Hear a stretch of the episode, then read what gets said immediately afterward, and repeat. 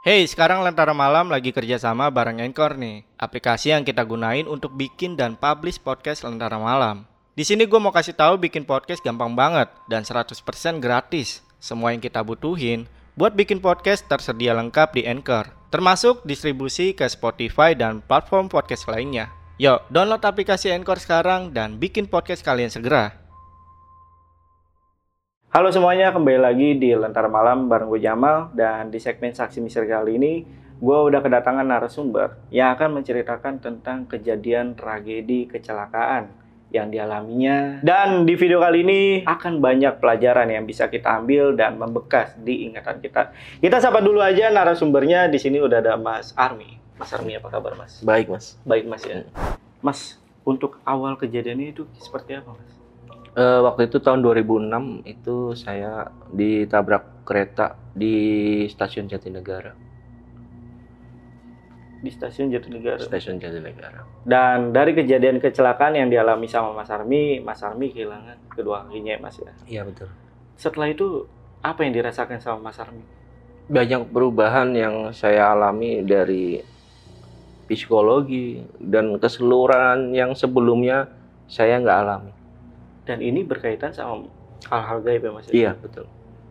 Oke, buat kalian yang penasaran sama cerita lengkap dari Mas Armi, simak videonya sampai habis. Tapi sebelum itu, gue mau ngasih tahu ke kalian kalau kalian pengen jadi narasumber di Lentera Malam, kalian tinggal DM aja. Instagramnya Lentera Malam itu ada di @lentaramalam.id dan kalian siapin voice note yang akan diceritakan di Lentera Malam. Untuk linknya gue taruh di deskripsi. Sebelum masuk ke ceritanya, gue mau notice nih ke teman-teman. Jadi Mas Armi ini cerita ke Lentera Malam itu bukan untuk mencari simpati, tapi Mas Armi sendiri itu hanya untuk berbagi cerita ya. Iya betul. Dan ini ceritanya itu bakalan banyak banget hikmah yang bisa kita ambil. Yaudah, buat kalian yang penasaran sama cerita lengkap dari Mas Armi, tonton videonya sampai habis dan tanpa basa-basi lagi. Saksi misteri, kita mulai.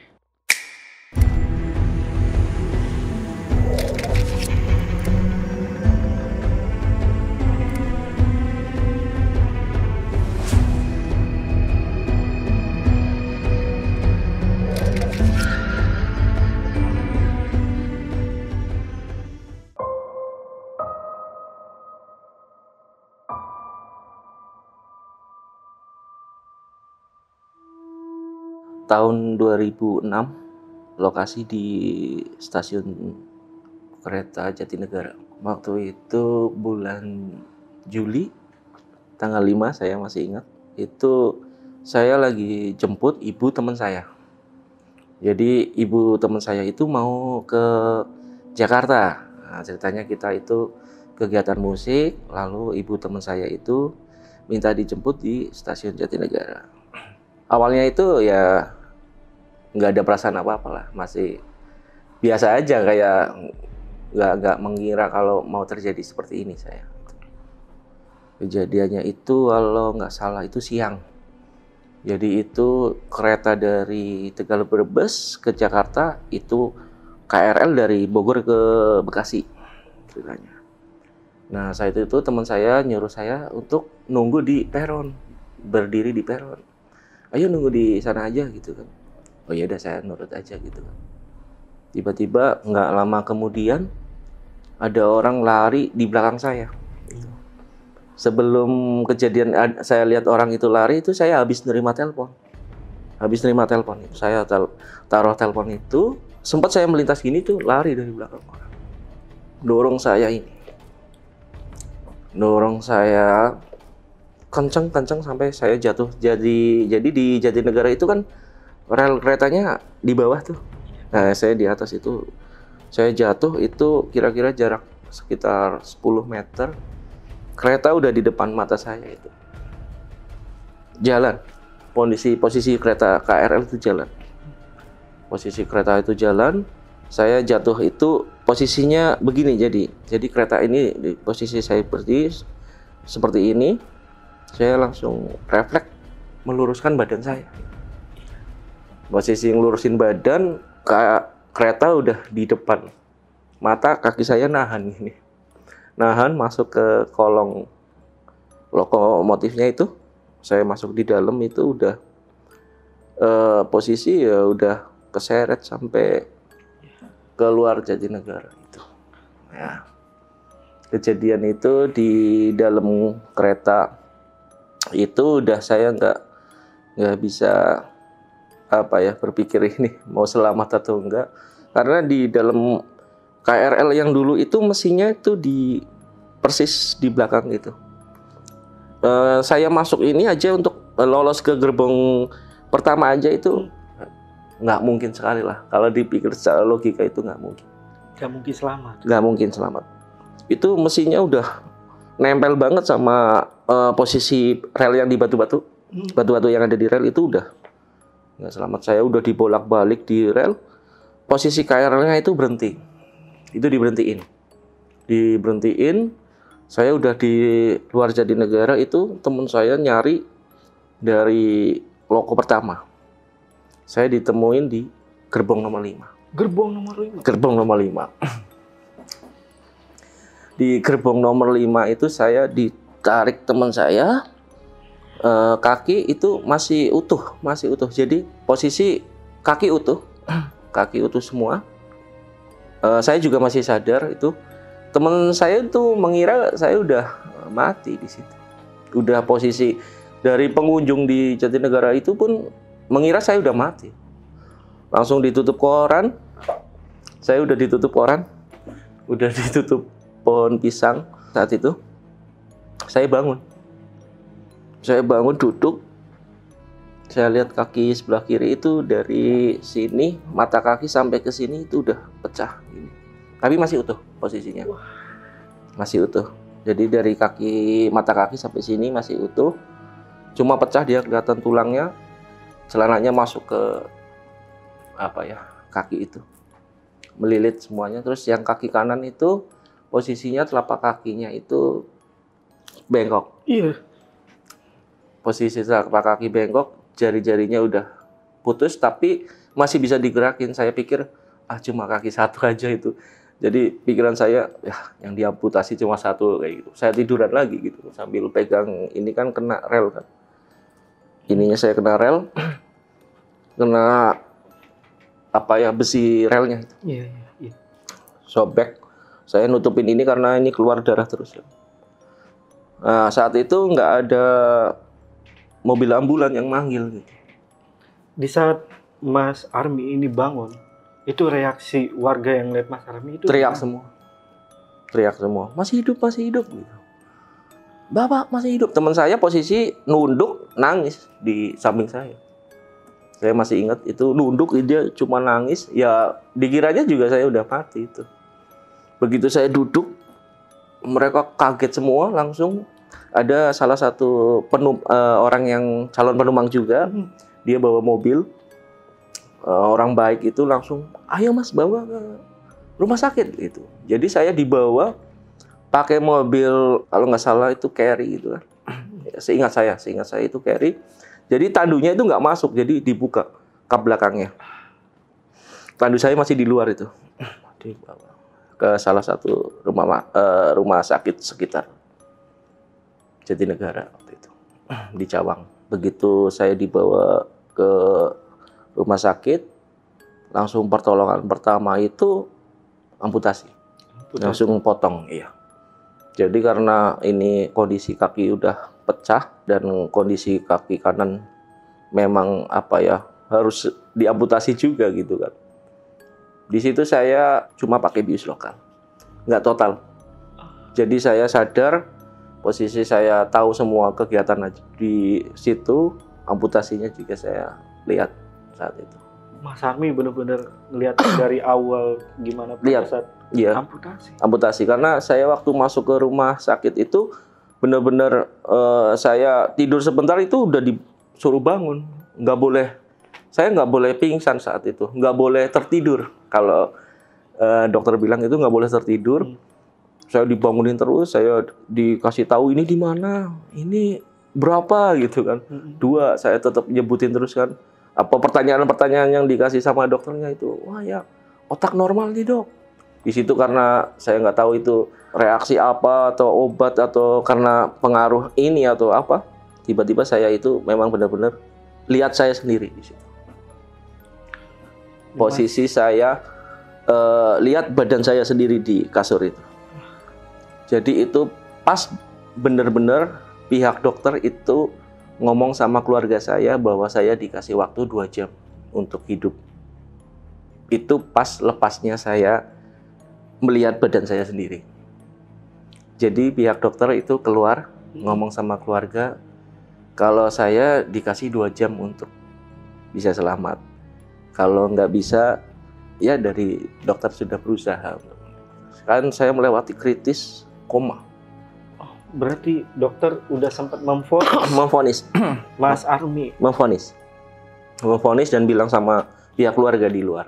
Jadi kalau memang dalam dua jam ini, eh, syukur alhamdulillah bisa selamat, tapi eh, kita sudah berusaha jika memang saya itu tidak selamat. Gitu dari dokter. Ini masih awal cerita Mas ini. Saya udah ngilu, campur merinding. Eh, setelah itu apa lagi Mas? saya melihat eh, kondisi saya tubuh itu masih terdengar nih lalu lalang suster dan dokter itu. Eh, jadi di situ hanya pihak dari rumah sakit tuh yang ada di situ ya. Di, jadi pihak keluarga udah keluar semua nih. Saya lihat badan saya sendiri dan lama-lama ruangan itu gelap. Ruangan itu gelap, saya masih ada kakinya saat itu. Tiba-tiba gelap aja. Tiba-tiba saya ada di tempat mana nggak ada siapa-siapa. Cuma ada suara aja waktu itu. Suara minta tolong, suara menanyakan kabar keluarga. Jadi saya kenal dari dari suara-suara itu keluarga-keluarga dan teman-teman yang sudah nggak ada. Itu yang saya dengar. Jadi apa ya suara-suara teman-teman sama keluarga yang udah nggak ada. Iya, iya. Dia menanyakan kabar tentang keluarganya, tentang apa ya saudara-saudaranya yang di masih hidup. Itu real nyata yang saya alami.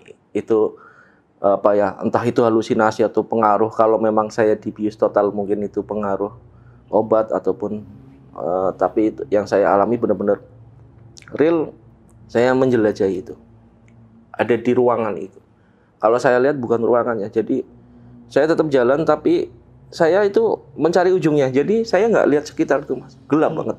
Gelap banget. Di situ cuma ada suara aja lah. Suara minta tolong. Minta tolong dan kesakitan. Yang saya alami itu saya sampai mencari ujungnya gitu mas. Ini tembok apa bukan gitu loh. Saya sampai mencari ujungnya. Sampai saya jalan lurus terus berjalan terus. Sampai suasana itu kalau secara digambarkan secara di sini itu seperti lorong mas lorong yang saya hanya bisa melihat itu jaraknya hanya sekitar 3 meter di depan. Sinarnya loh. Oh, sinarnya aja. sinarnya aja itu. Tapi semua gelap. Ada bintang tapi. Ada bintang. ada bintang. Itu kayak nggak tahu itu di alam mana saya nggak tahu. Saya jalan itu di situ itu kayak saya nggak makan nggak minum itu tapi nggak merasakan haus dan lapar Mas. Pokoknya pada saat itu Mas Armi jalan aja. jalan aja. Saya jalan nggak tahu mau ke mana. Saya lelah tapi nggak haus dan lapar itu. Saya duduk. Waktu itu saya duduk cuma bilang saya flashback gitu Eh, apa yang saya lakukan dulu. Apa ya saya mungkin ada salah segala macam itu. Setelah saya berjalan lama itu saya tahu ini saya bukan di alam yang pernah saya di bumi lah ibaratnya. Saya saya mengalami hal ini saya kayaknya saya udah nggak di bumi lagi nih. terus saya minta ya Allah kasih saya satu kesempatan lagi untuk saya benahi semua apa yang saya lewatkan gitu kan. itu mulai kalau saya hitung di sini itu beberapa menit kemudian itu semakin ada titik terang di depan. Tapi kecil mas. Semacam kayak saya melihat eh, lentera gitulah. Kecil. Saya ikutin terus tiga kali saya ngomong kayak gitu saya duduk lagi. Eh, saya ngomong ya Allah kasih saya satu kesempatan hidup untuk saya benahi semua saya saya benahi saya oh, semua. Tiga kali saya ngomong kayak gitu tambah terang mas. Saya keluar dari lorong itu bebarengan dengan saya dipacu mas. Itu pemacu terakhir saya pemacu dokter itu maju saya untuk terakhir kalinya. Jadi kalau saya itu nggak itu ya berarti saya udah meninggal. Itu pacu jantung eh, yang terakhir. Saya dikasih tahu keluarga saat itu saya sadar. Orang bilang itu mati suri ya, Masih. mati suri. Dan ada penanganan darurat ya untuk Ada, yang- udah dipacu. Saya Pacu udah ya? dipacu, namanya apa? Pacu jantung ya. pacu jantung. Jadi eh, saya memang waktu itu mesin udah mati eh, menunjukkan udah saya udah nggak ada detak lagi. Itu udah disampaikan sama keluarga saya bahwa saya dikasih waktu dua jam. Itu udah mati semua pemacu gitu kan. Alat picu jantungnya itu kan Eh, yang bunyi itu namanya apa itu saya nggak tahu kurang tahu. Tapi udah mati dan bebarengan dengan dipacu itu saya langsung napas. Gitu. Langsung melihat juga. masih samar. Oh masih. masih, masih samar. Masih samar terus. Langsung tiba-tiba mulai jelas nih suara-suara. Sampai saya dibangunin terus sama dokter gitu. Sampai ya ditanyain lagi ini di mana ini berapa gitu. Hmm. Nah, itu seingat saya itu. Begitu saya bangun itu yang terjadi perubahan yang saya alami. Banyak banget. Itu yang sebelumnya sama yang sesudahnya saya mengalami itu Mas. jadi kalau ada yang cerita-cerita pernah diliatin hantu itu saya nggak percaya dulu. Tapi setelah kejadian itu banyak perubahan yang saya alami saat itu. Jadi dulunya Mas Armi ini skeptis ya. iya saya nggak percaya. Kalau saya belum lihat itu saya nggak percaya Oke, Mas. Pada saat Mas Armi ini jalan di lorong gitu ya, Hmm. Mas Armi merasa eh, waktu cepet atau lama? lama banget mas Lama banget. lama banget itu kayak saya kalau di dunia itu kayak berminggu-minggu mas Berminggu-minggu. berminggu-minggu saya sempat duduk kan istirahat saya Iya. sempat tidur tapi nggak merasakan lapar dan haus Dan itu masih kondisi masih gelap aja. masih gelap tapi ada bintang Dan untuk suara-suara orang yang bisa dikatakan udah meninggal ya, Mm-mm. keluarga ataupun teman, iya itu kan hanya suara ya tadi ya. Hanya Tapi suara. Untuk sosoknya nggak ada. nggak ada wujud Nggak ada wujud. nggak ada wujud tapi dia benar-benar ada di depan saya ngomong mas dan di telinga saya itu satu-satu Satu nggak nggak nggak langsung bersamaan gitu Iya. Nah, jadi saya lewat ketemu ini terus saya tahu itu suaranya siapa, tapi saya nggak nyebutin kayak gitu kan. Ada satu kalimat ya Mas yang Mas Armi yang paling ingat di suara itu. Teman udah Ah. meninggal, Bilang apa kalau boleh tahu Mas? nanyain keluarganya. Saya suruh nengok, eh, nengokin keluarganya. Jadi teman saya itu kan sakit, meninggalnya sakit waktu itu. Jadi keluarganya itu eh, nggak pernah ke makamnya untuk ibaratnya nggak mendoakan dia di makam, nggak pernah. Ya yang namanya mendoakan bisa di rumah ya mungkin, tapi mungkin dia pengen keluarganya itu datang nengokin gitu kan. Orang tuanya kalau nggak salah tinggal satu kalau nggak salah. Saya disuruh ngomong itu ke kakaknya untuk bersihin makamnya. Dia bilang apa Mas? Boleh lebih spesifik kayak eh, Masnya boleh tiruin Eh, gini dia bilangnya gini, tolong eh, Army tolong bilangin ke kakak saya tengokin makam saya. Dia udah bertahun-tahun nggak pernah ke makam, makamnya rusak, makamnya susah. rusak. Dia minta didoain.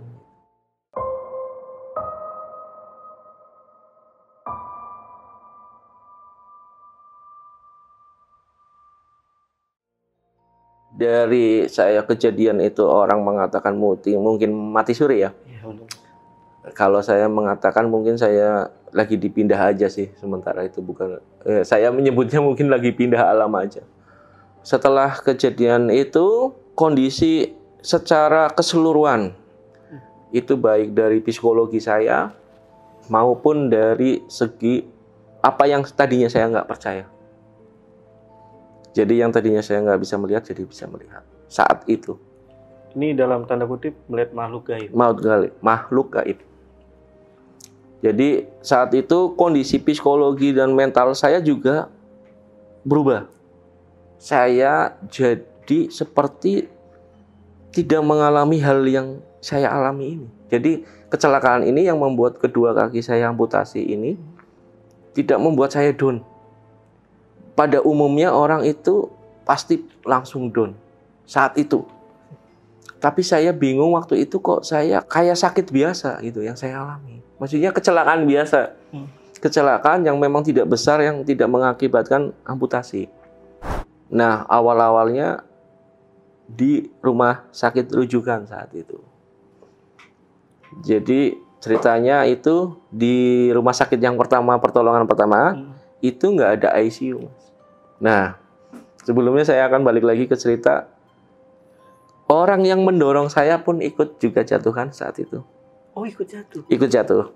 Itu satu rumah sakit bareng. Jadi kondisinya juga parah juga. Pecah juga di sini tangan sampai leher sini pecah.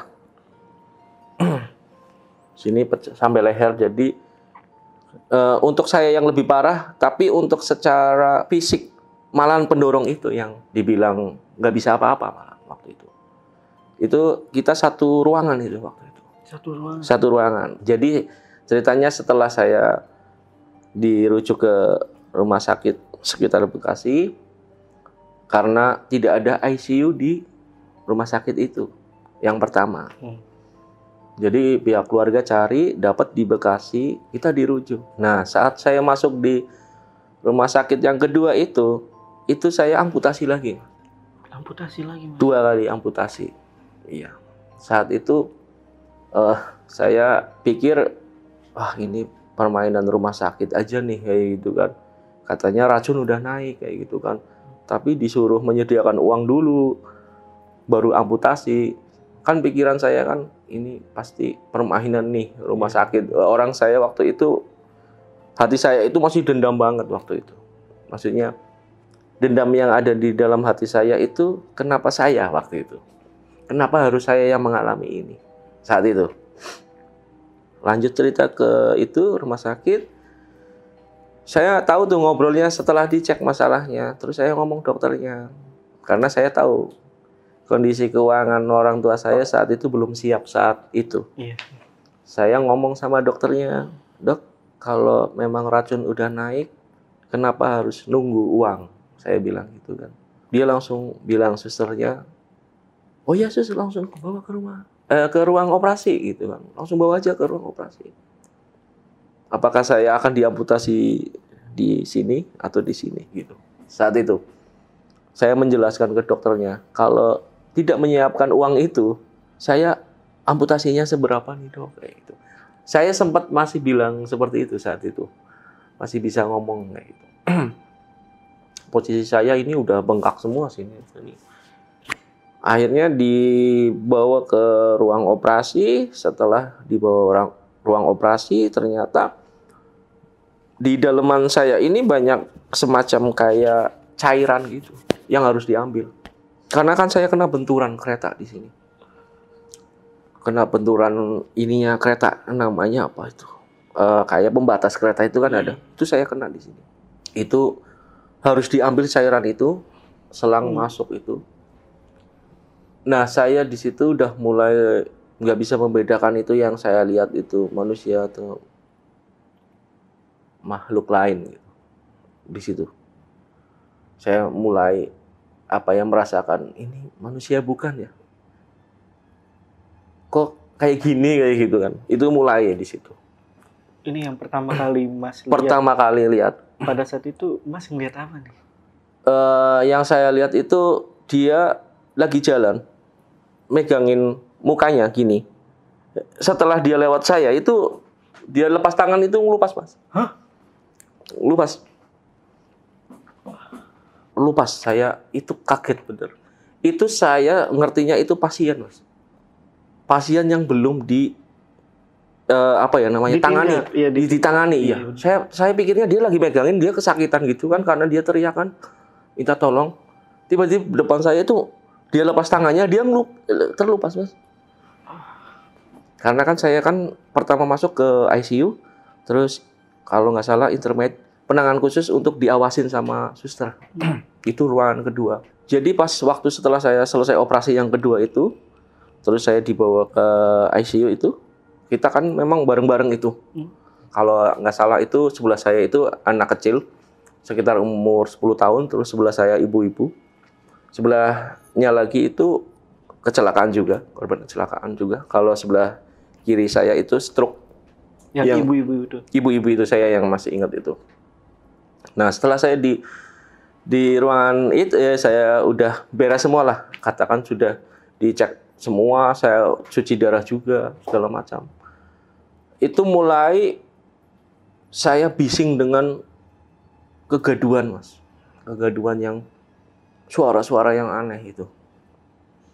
Ya minta tolong lagi.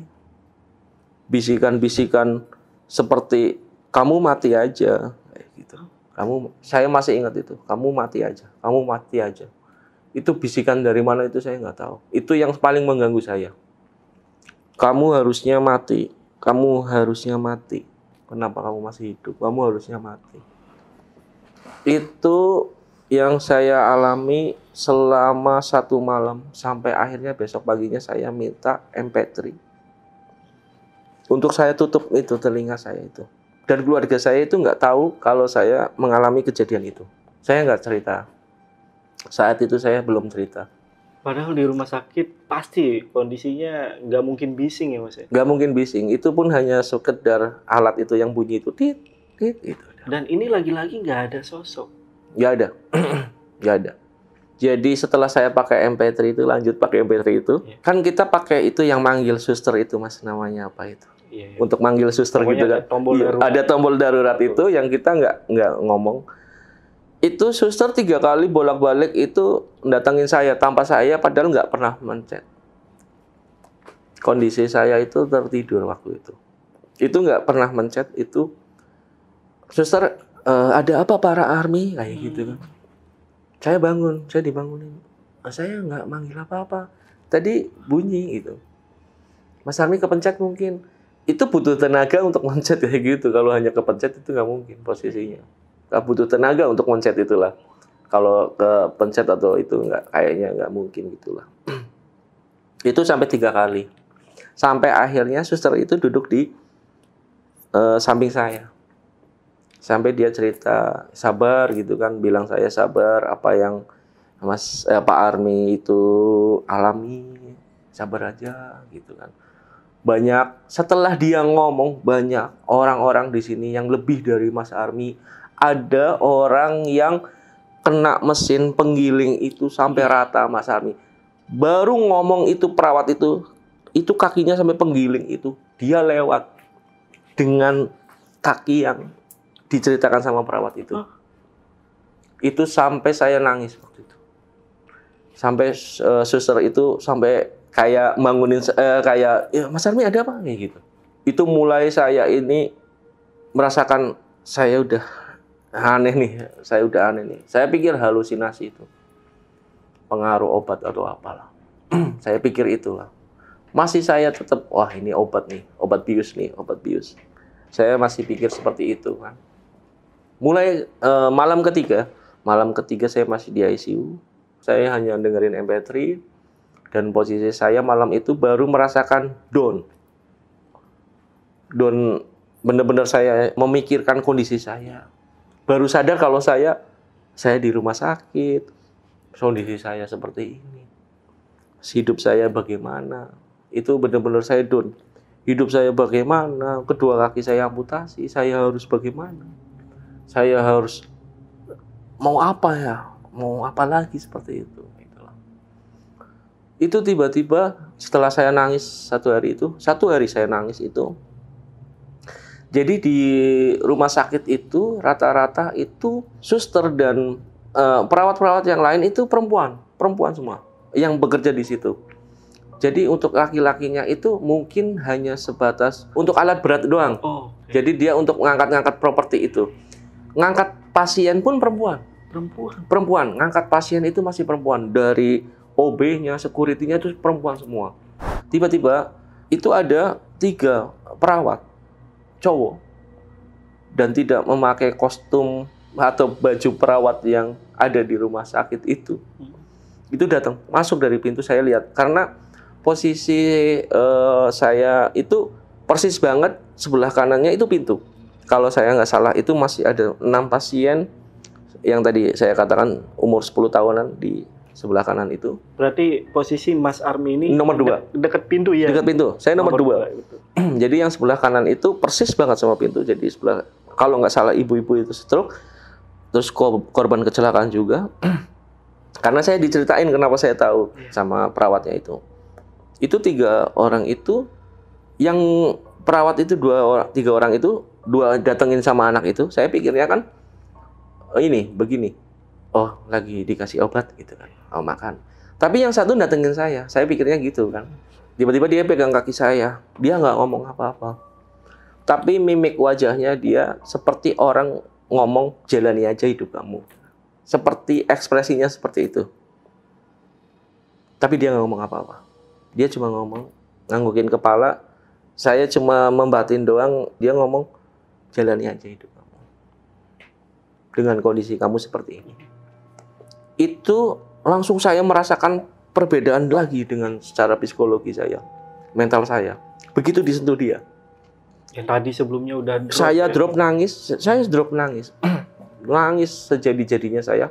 Tiba-tiba itu langsung perasaan saya itu jadi kayak semacam tidak memikirkan apa yang saya yang kejadian saya alami ini.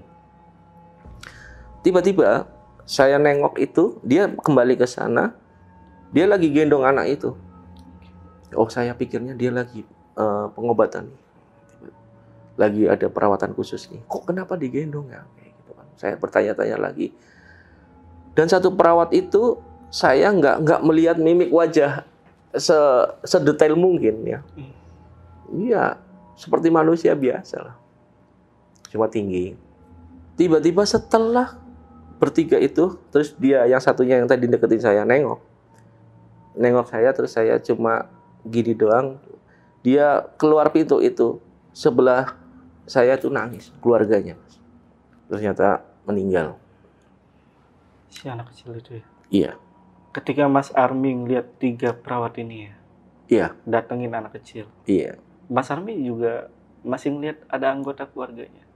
Masih Tapi dia nggak ngeliat apa-apa ya. nggak ngeliat apa. Dia duduk. Mereka duduk kan. Eh, ada jam khusus berarti di- itu sekitar malam. Mm-mm. Ada batasnya jam 9 jam 10 itu. Kalau saya nebak itu lagi nunggu berarti jam 10 karena ada khusus memang ditungguin tapi ada yang juga yang di luar. Saya pikirnya itu saat itu sedang mau dirawat, maksudnya mau dipindah gitu kan. Tapi kok kenapa nggak nggak nggak pakai troli? Iya. Malah diangkat ya. Diangkat, diangkat. Iya. Mas Army sempat ngeliat kondisi anak kecil itu ketika diangkat. Apakah dia sadar atau dia menangis atau apa? Hmm, diem. Enggak, enggak, enggak. Secara detail wajahnya enggak. Cuma enggak ada suara apa pun. Hey, sekarang Lentera Malam lagi kerjasama bareng Anchor nih, aplikasi yang kita gunain untuk bikin dan publish podcast Lentera Malam.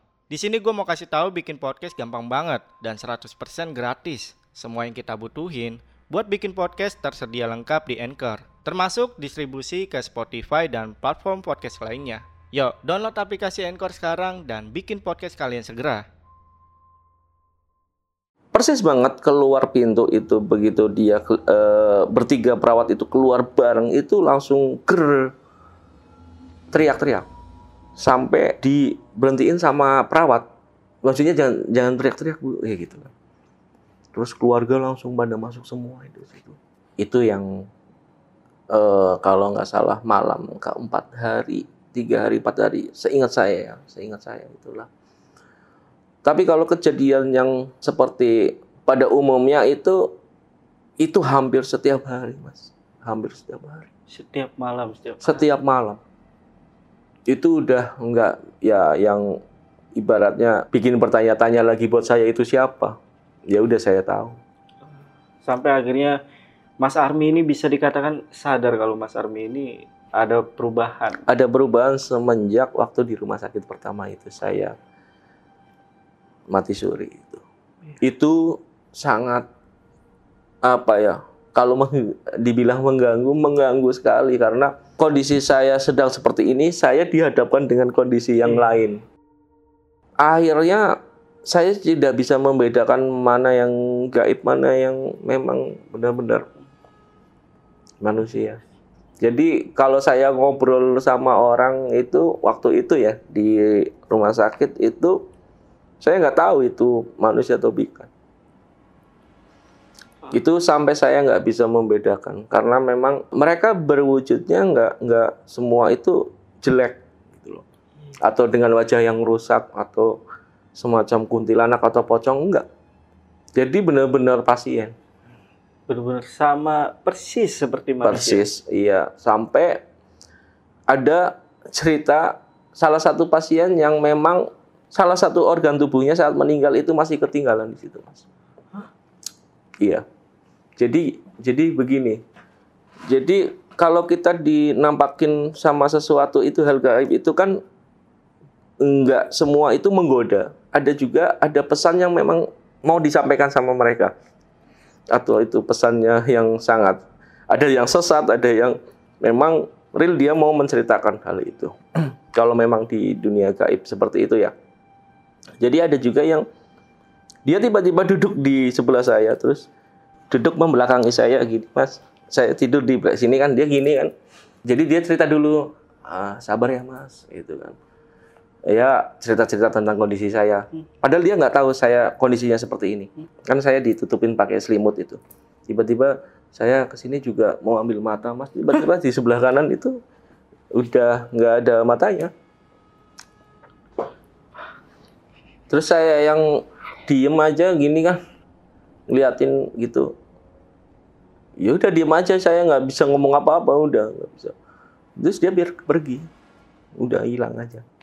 Itu sampai saya nggak kuat, saya minta pulang. Waktu itu ada juga yang bapak-bapak, dia pakai zaman-zaman keraton dulu mas pakai belangkon gitu kan. Saya kurang ingat dia bercerita apa. Intinya banyak banget apa yang dia kasih masukan ke saya menjalani hidup buat saya itu. Banyak banget sampai saya sampai lupa. Tapi yang saya ingat kata-katanya lika-liku kamu perjalanan kamu bukan sampai di sini. Masih ada lagi setelah ini dan setelah ini. Jadi kamu nggak akan pernah berhenti kayak gitu kan. Karena kamu pilihan Tuhan, Tuhan sayang sama kamu. Allah sayang sama kamu. Kenapa kamu seperti ini? Kamu pilihan. Kamu udah boleh pulang kok. Kayak gitu. Nah, saya bingung. Perasaan saya masih satu minggu di sini kayak gitu kan. Ah, iya boleh pulang. Terus saya tiba-tiba keluarga saya, bapak saya datang, saya ngomong, Pak, katanya udah boleh pulang kayak gitu kan. Kata siapa kayak gitu kan. Tadi ada orang ngomong. Bapak saya langsung manggil dokter, itu tiba-tiba itu normal semua mas. Dari yang tadinya saya kan ada lima apa ya spesial, spesialis dokter dari eh, psikiater, penyakit dalam, tulang, sama ini Otak. otak. Saat itu saya nggak kena, memang saya nggak kena. Saraf, kalau nggak salah saraf. Saraf, iya. Yang terakhir itu saraf. Jadi saat dicek semua, kurang satu, tinggal satu, itu tulang. Tulang itu waktu itu belum langsung datang. Besoknya pagi datang, dia langsung cek kaki saya. Oh iya udah, udah bo- boleh pulang. Tapi dirujuk lagi ke Tegal. Kebetulan di Tegal itu teman saya, kata dokternya itu. Ini nggak boleh langsung pulang ke rumah, tapi dirujuk aja seminggu di Tegal lah ya, waktu itu. Ada salah satu rumah sakit di Tegal. Eh, diurus sama bapak waktu itu. Itu mulai berkurang itu mas. Waktu itu mulai berkurang. Sebelum ke Tegal itu, itu di ruang khusus itu intens sekali di situ. Kayak menyambut perpisahan gitulah. Saya mau dirujuk ke Tegal. Kayak ibaratnya mereka sudah biasa godain saya mungkin kehilangan saya mungkin di situ kan gitu karena banyak pesan yang mereka mau sampaikan tapi nggak nggak tersampaikan mungkin di situ. Pada saat benar-benar pengen pindah tuh mas, Iya, itu muncul semua, muncul semua. muncul. Berarti gini ya mas ya. Pada saat Mas Army ini dirawat selama tujuh hari itu ya. Tujuh hari. Setiap hari ada aja yang makhluk tak kasat mata datang ke Mas Army ya. Ada. Dan saya sampai nggak bisa membedakan Iya. kecuali dia mewujudkan fisik yang seperti tadi. Saya mau ambil mata, terus yang korban kecelakaan dia nunjukin eh, kakinya eh, hancur itu. Itu kalau yang lain-lain saya nggak bisa membedakan malah. Ada gak sih mas kejadian di mana Mas Army sudah sadar nih kalau makhluk ini nih, ini bukan manusia nih. Hmm. Ibaratnya makhluk gaib. Iya. Tapi Mas Armi tetap ibaratnya mencoba untuk berkomunikasi sama dia. Dia diam, Mas. Dia diam. Dia. Pokoknya itu ya macam-macam ya kalau makhluk gaib ya. Tapi yang saya alami itu pasti diam. Kecuali yang fisik. Yang buruk rupa itu. Hmm. Kalau yang saya mau ambil mata segala macam, itu anggap saya dia sedang menggoda saya, Mas. Tapi kalau yang diem itu ya mungkin apa ya namanya nggak nggak nggak nggak menakut-nakuti lah nggak nakut-nakutin Iya. saya. Kalau itu kan memang mau menakut-nakutin saya gitu kan.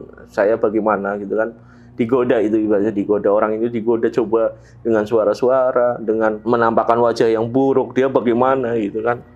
Ketakutan atau apa bikin stres depresi. Mungkin saya melewati itu dari selama di rumah sakit jadi saya selama waktu dirawat itu saya nggak pernah ngomong sama keluarga saya kalau saya, apa yang saya alami seperti ini, Mas. Sama sekali. Sama sekali.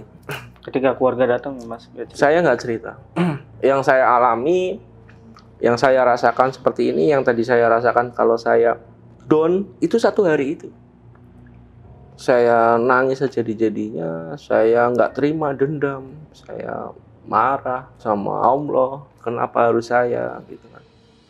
Kenapa saya harus saya ya Allah gitu kan. Banyak orang-orang jahat di sana kayak gitu kan.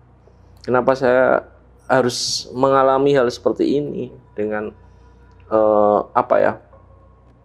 Yang harus saya lakukan ke depan. Kenapa saya nggak sekalian dimatiin aja kayak gitu kan. Daripada saya mengalami hal ini. Setelah itu, itu sama sekali saya nggak memikirkan satupun ataupun teringat saya atau traumatik itu. Iya. Biasanya kan orang itu mengalami hal sesuatu itu trauma berkepanjangan ya. Pasti, Mas. Saya pun kalau di posisi Mas Armi mungkin nggak sanggup. tuh. Traumatik itu karena mungkin atas dasar saya memang saya dari diri saya sendiri juga untuk saya harus tetap kuat bukan semata-mata karena eh, saya kedatangan dari perawat itu saya dipegang itu entah itu siapa ataupun siapa. Tapi dari diri saya waktu itu mulai muncul dikuatkannya dengan mereka pegang saya dan ngomong jalani dengan kondisi kamu yang sekarang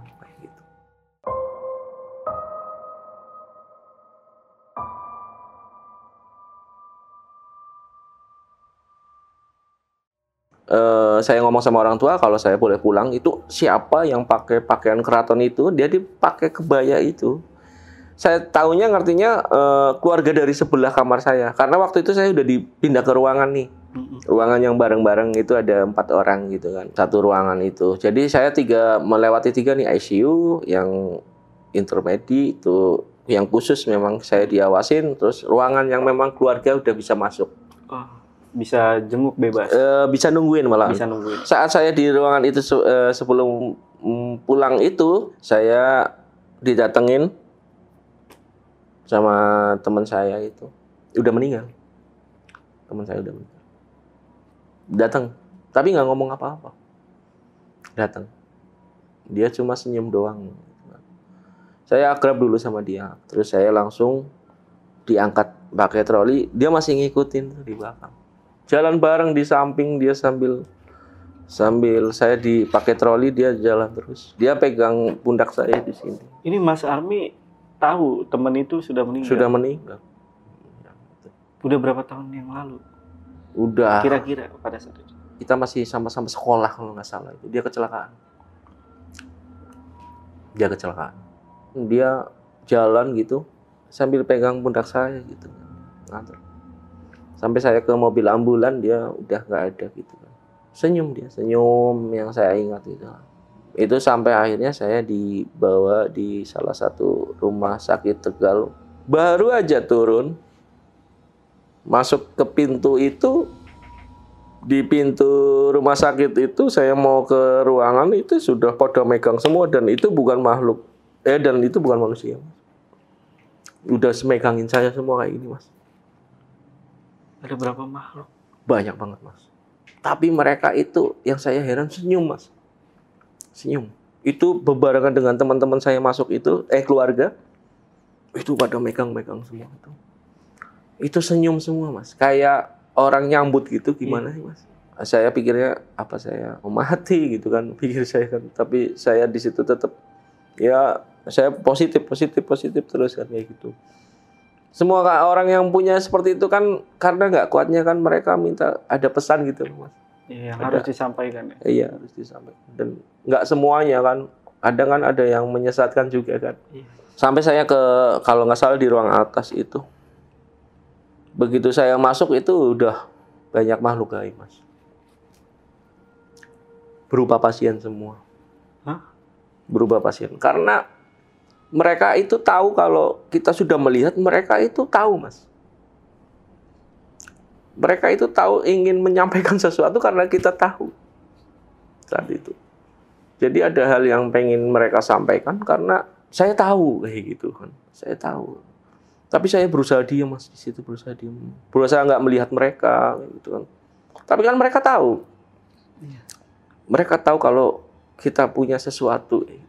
Dan saya waktu itu nggak mengharapkan saya seperti itu walaupun setelah saya telusuri ternyata kakek saya juga ada seperti itu mas gitu kan. Bapak dari bapak itu punya kelebihan seperti itu juga. Tapi saya nggak mengharapkan saya seperti itu. Saya bingung mas, gitu kan. Bingung, bingung. Saya harus lakuin apa? gitu. Sedangkan yang saya alami ini kebalikannya waktu saya dulu, gitu loh. Yang saya memang nggak percaya hal itu. Jadi saya tetap berusaha untuk saya berdoa terus berdoa. Bahkan yang nakal pun ada, gitu kan. Nakal untuk menyesatkan saya seperti itu. Itu gimana, Mas? Saya suruh mencari tumbal. Menyesatkan saya. Kamu pengen hidup abadi? Cari kamu tumbal. Boleh ceritain dari awal kejadian itu, Mas? Awal kejadian itu malahan saya setelah dari rumah sakit. Ini Awal. setelah benar-benar pulang dari Iya, rumah sakit pulang. yang di Tegal itu. Iya, yang di Tegal itu saya pulang, itu saya mulai nih Mas, yang nggak nah, yang nggak percaya adanya Tuhan waktu itu. Saya nggak percaya agama, saya nggak percaya Allah. Eh, orang bilang mungkin ateis, tapi saya ateis yang tidak berorganisasi mungkin. Saya bilangnya menyebutnya gitu. Jadi saya ngomong ibu saya almarhumah ibu saya waktu itu sholat, saya ngomong ngapain bu sholat? Nggak ada Allah kayak gitu. Itu setelah saya keluar dari rumah sakit itu saya menjadi brutal hati saya Kembali brutal dong, ya, brutal brutal itu dendam amarah yang membelenggu dengan apa yang saya eh, apa ya perubahan yang saya alami jadi misalnya saya ngomong sesuatu itu bisa aja terwujud mas. Saya ngomong dia kecelakaan kecelakaan mas. Saya sampai ada karena dendam ya. Dendam terus karena sugesti saya itu main. Jadi apa yang Jadi lebih kuat. kuat ya. Orang ngomong loa ya mungkin ya. Jadi kuat itu yang saya perankan itu kuat. Sampai saya, ibu saya itu saya ingat sekali dia lempar sajadah ke saya. Jangan ngomongnya seperti itu. Kayak gitu kan. Nggak ada Allah bu. Percuma eh, sholat. Kayak gitu kan. Dendam yang belenggu. Karena apa? Dendamnya kenapa? Dendamnya saya. Kok saya yang seperti ini? Kenapa harus saya? Banyak penjahat yang lain. Kenapa harus saya? Saya ini harus bagaimana? Kayak gitu kan. Setelah si setelah seperti ini saya mau apa? gitu. Yang normal aja belum tentu bisa melakukan apalagi saya. Waktu itu pikiran saya saat itu. Saat itu pikiran saya itu wah campur aduk mas. Campur aduk sampai akhirnya saya didatengin salah satu ada makhluk yang ingin menyesatkan saya untuk berbuat yang ibaratnya di luar nalar. Seperti mencelakakan tumbal dan ingin memperkaya diri itu. Si makhluk ini datang ke rumah, datang. Datang dan setiap hari mempengaruhi saya baik secara wujud ataupun bisikan sangat mempengaruhi saya sekali sampai saya itu bingung untuk menjalani hidup saya harus bagaimana saat itu. Tapi maaf nih mas, ini si makhluk ini ibaratnya menyuruh ya, menyuruh untuk Mas Army Iya. mencari tumbal. Hmm. Itu gimana caranya? Maaf, kan kondisi pada saat itu Mas Army sudah seperti ini gitu. Dan waktu itu saya sangat dipermudah sekali, Mas. Dipermudah sekali untuk dekat dengan orang siapa pun itu. Entah itu cowok atau cewek ya. Hmm. Itu ya karena saya mudah bergaul ataupun saya apa ya bisa diajak sharing bareng-bareng itu melebihi dari sebelumnya malah. Lebih saya bisa mengaruhi itu. Iya. Mempengaruhi hal-hal negatif untuk mereka. Dan dari itulah si sosok yang menyesatkan ini Dia memanfaatkan saya. memanfaatkan Mas Army. sampai pada akhirnya saya masih dalam masa terapi ya. Jadi kaki saya belum belum kering mas, masih ada jahitannya. Jadi saya tetap pulang. Satu minggu saya di rumah sakit itu di Tegal itu saya pulang dan saya menjalani proses itu kebetulan kan saya juga tulang punggungnya bengkok mas. Dari kejadian itu. Iya bengkok. Dari kecelakaan itu saya bengkok sini. Hmm. Jadi itu di ronsen di Tegal bahwa tulang punggung ini semakin bengkok. Akhirnya saya nggak mau dioperasi. Saya maunya di tradisional aja ada nggak kayak gitu kan. Karena saya masa sih saya operasi semua gitu kan. Jadi saya pikirnya ya udah pakai apa ya tukang urut gitu loh. Dan kebetulan banget tukang urut itu dia punya kelebihan. Mas. Punya kelebihan. Jadi begitu dia masuk, dia pegang saya, dia itu istighfar mas. Dia gini mas. Astagfirullahaladzim. Dia duduk depan saya, dia bilang, kamu mau nggak? Saya arahkan yang baik. Jadi kamu tidak kebablasan itu ya mas, kelewatan. Ya, ya. Jadi eh, kalau saya diterusin dengan apa yang saya yakini dan secara tiba-tiba datang ke saya itu bisa semakin hitam, mas. Kalau saya nggak dibimbing itu semakin hitam saat itu. Saya ngomong sama orang itu, tolong pak, saya nggak mau punya kelebihan itu. Nggak apa-apa, kamu itu pilihan, kata dia. gitu kan. Bukan karena kamu kondisinya seperti ini. Kamu sudah pilihan dari dulu, cuma kamu sedang dinaikkan derajatnya dengan seperti ini. Kayak gitu. Agar kamu ingat, kayak gitu dia. Kamu sudah ada, tapi kamu diingatkan dengan seperti ini. Jadi beliau mau ngomong, saya dalam diri saya itu ada, udah ada mas, dari keturunan. Tapi dengan cara seperti ini saya diingatkan dengan dosa-dosa saya yang dulu saya diingatkan seperti ini. Akhirnya dia kasih amalan itu, Mas. Beneran kasih amalan itu dan saya tidak amalkan itu saat itu. Akhirnya saya simpen doang itu kan karena saya sudah eh, melewati itu ya yang saya bilang saya nggak percaya dengan agama, saya tidak percaya Allah waktu itu dan saya dijauhkan dengan orang-orang yang jauh jauh lebih buruk. Ibaratnya gini mas, jadi kelihatan mana yang baik, mana yang tidak itu kelihatan saat seperti saya, seperti kondisi saya seperti ini. Baik di teman, keluarga, ataupun lingkungan sekitar, dari ratusan teman, puluhan teman itu tinggal berapa gelintir teman.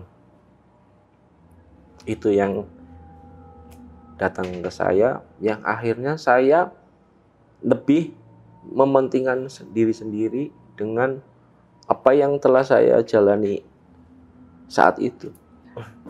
Banyak banget saat itu saya nggak mau melakukan kegiatan kan. Jadi 2007 saat itu 2007 satu tahun itu mas. Satu tahun. Satu tahun itu ada yang baik, ada yang jahat. Jadi kebetulan orang makhluk-makhluk yang datang itu jahat semua, Mas. Memang membuktikan dengan dengan cara mengucap saya terjadi, Mas. Ada satu contoh ya yang Mas Armi ingat ketika Mas Armi mengucapkan ini dan itu terjadi kecelakaan. kecelakaan. Hmm. Itu gimana tuh mas? Ada salah satu orang di sana apa ya eh, pemuda ya. Pemuda itu sangat arogan sekali lah. Wah, ya pembalap gitu segala macam. Saya bilang sama dia, nggak lama dia kecelakaan gitu. Malamnya dia kecelakaan mas dirawat mas. Itu yang Mas Armi bilang apa ke dia? saya bilang ke teman saya. Jadi kan teman saya ceritain kan, wah dia tuh sukanya gini nih, nih kalau naik motor gini gini. gini. Terus saya ngomong, kamu mau pengen dia celaka kayak gitu kan? Wah itu pasti banyak yang doain tuh celaka, nggak usah apa ya repot-repot doain. Malam ini dia celakaan kayak gitu. Saya ngomong gitu. Dia malamnya ke rumah saya dan ngomong, teman saya itu ya kecelakaan. Itu semenjak itu saya udah nggak berani ngomong sembarang. Iya, Sembarang. macam-macam. Dan saya kalau ngomong yang baik-baik malah nggak mempan, Mas. Ibu nggak mempan yang baik-baik. Ibu saya sakit. Saya berharap ibu sembuh. Hmm. Nggak mengaruh. Nggak pengaruh.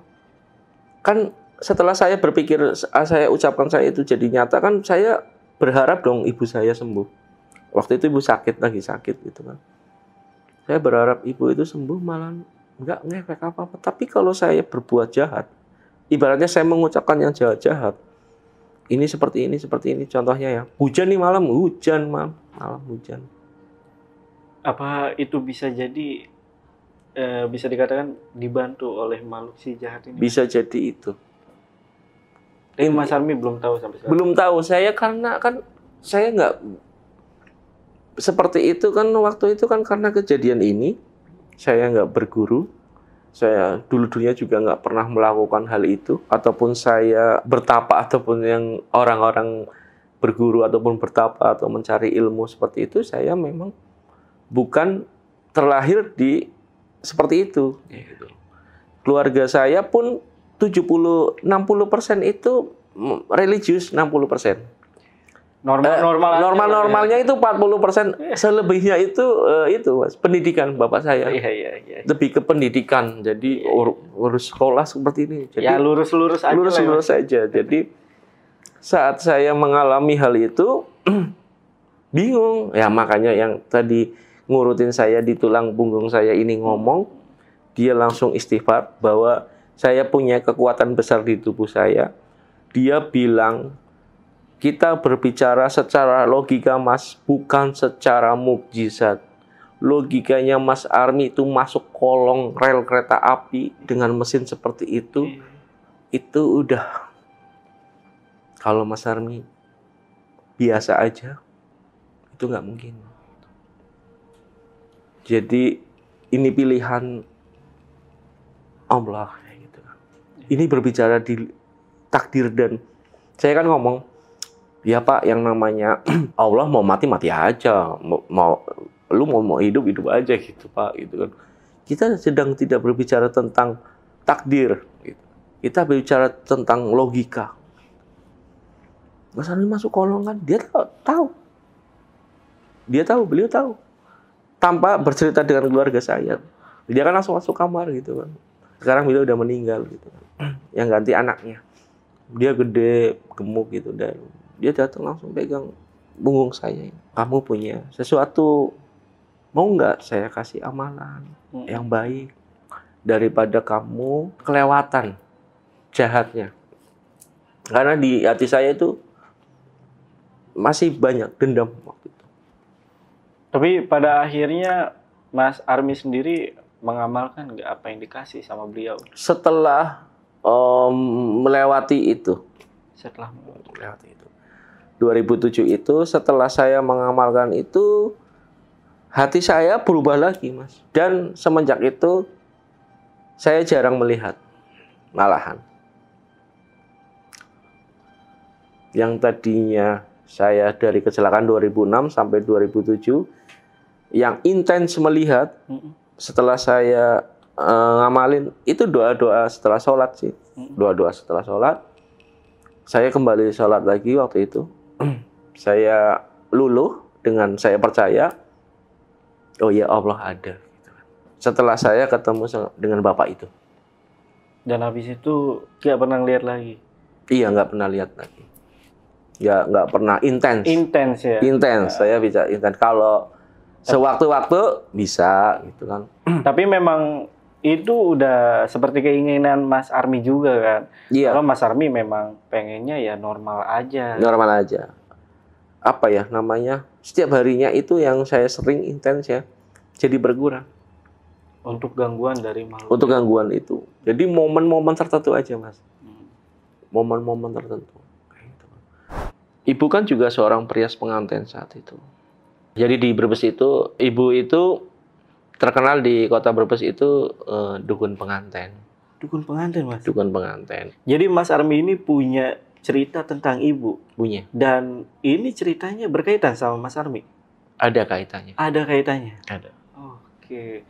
Berarti Mas Army tahan dulu ceritanya Mas ya. Iya. Dan buat kalian yang penasaran sama cerita tentang ibunya dari Mas Army, kalian komen di bawah buat kita ngundang lagi Mas Army ke sini.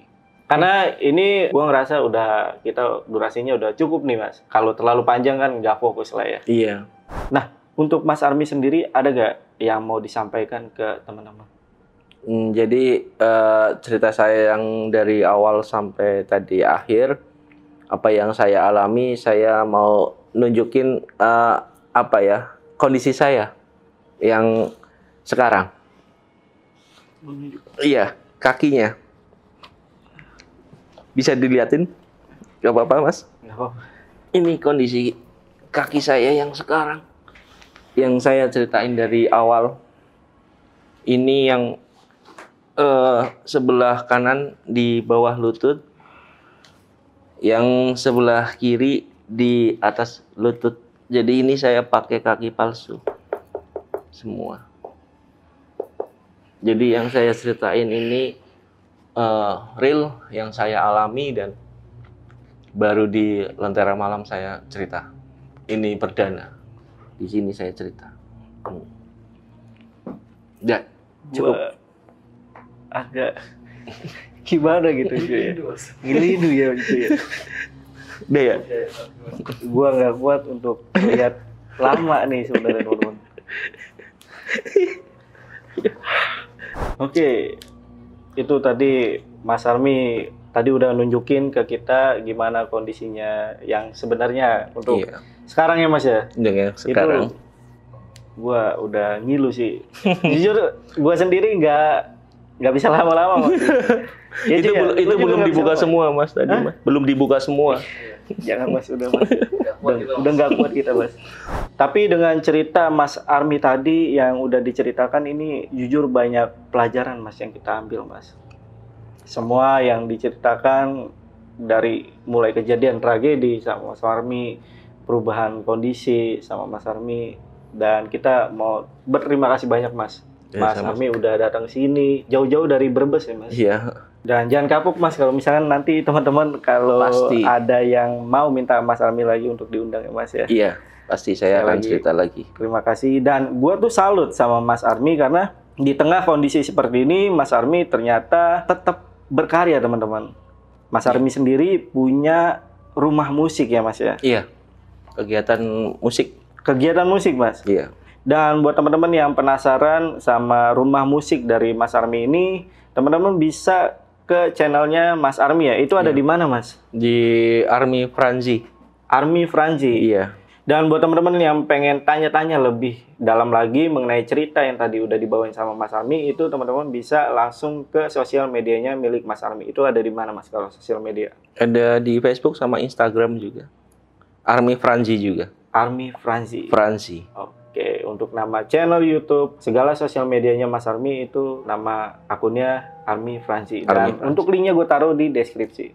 Mas sekali lagi terima kasih Mas. Ya sama-sama. Mas. jujur, jujur tadi terakhir-terakhir gue agak lemes karena memang ini ceritanya luar biasa banget Mas. Iya. bisa buat pelajaran juga. Iya. Sekali lagi terima kasih Mas. Sama-sama Mas. Eh, jangan pernah kapok ya Mas ya. Enggak pernah. Oke, yaudah. Gua Jamal dari Lentar Malam dan Mas Army Army. pamit.